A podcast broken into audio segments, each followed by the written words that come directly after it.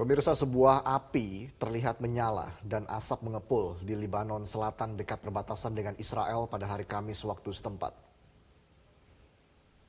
Hal itu terjadi ketika Hizbullah dan Israel terus bertempur di sepanjang perbatasan. Namun pertempuran itu sebagian besar masih terbatas di beberapa kota perbatasan.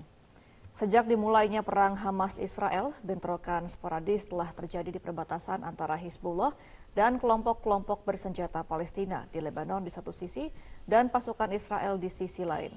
Kekhawatiran akan terjadinya perang yang lebih luas sempat muncul jika Hizbullah benar-benar terjun ke medan perang.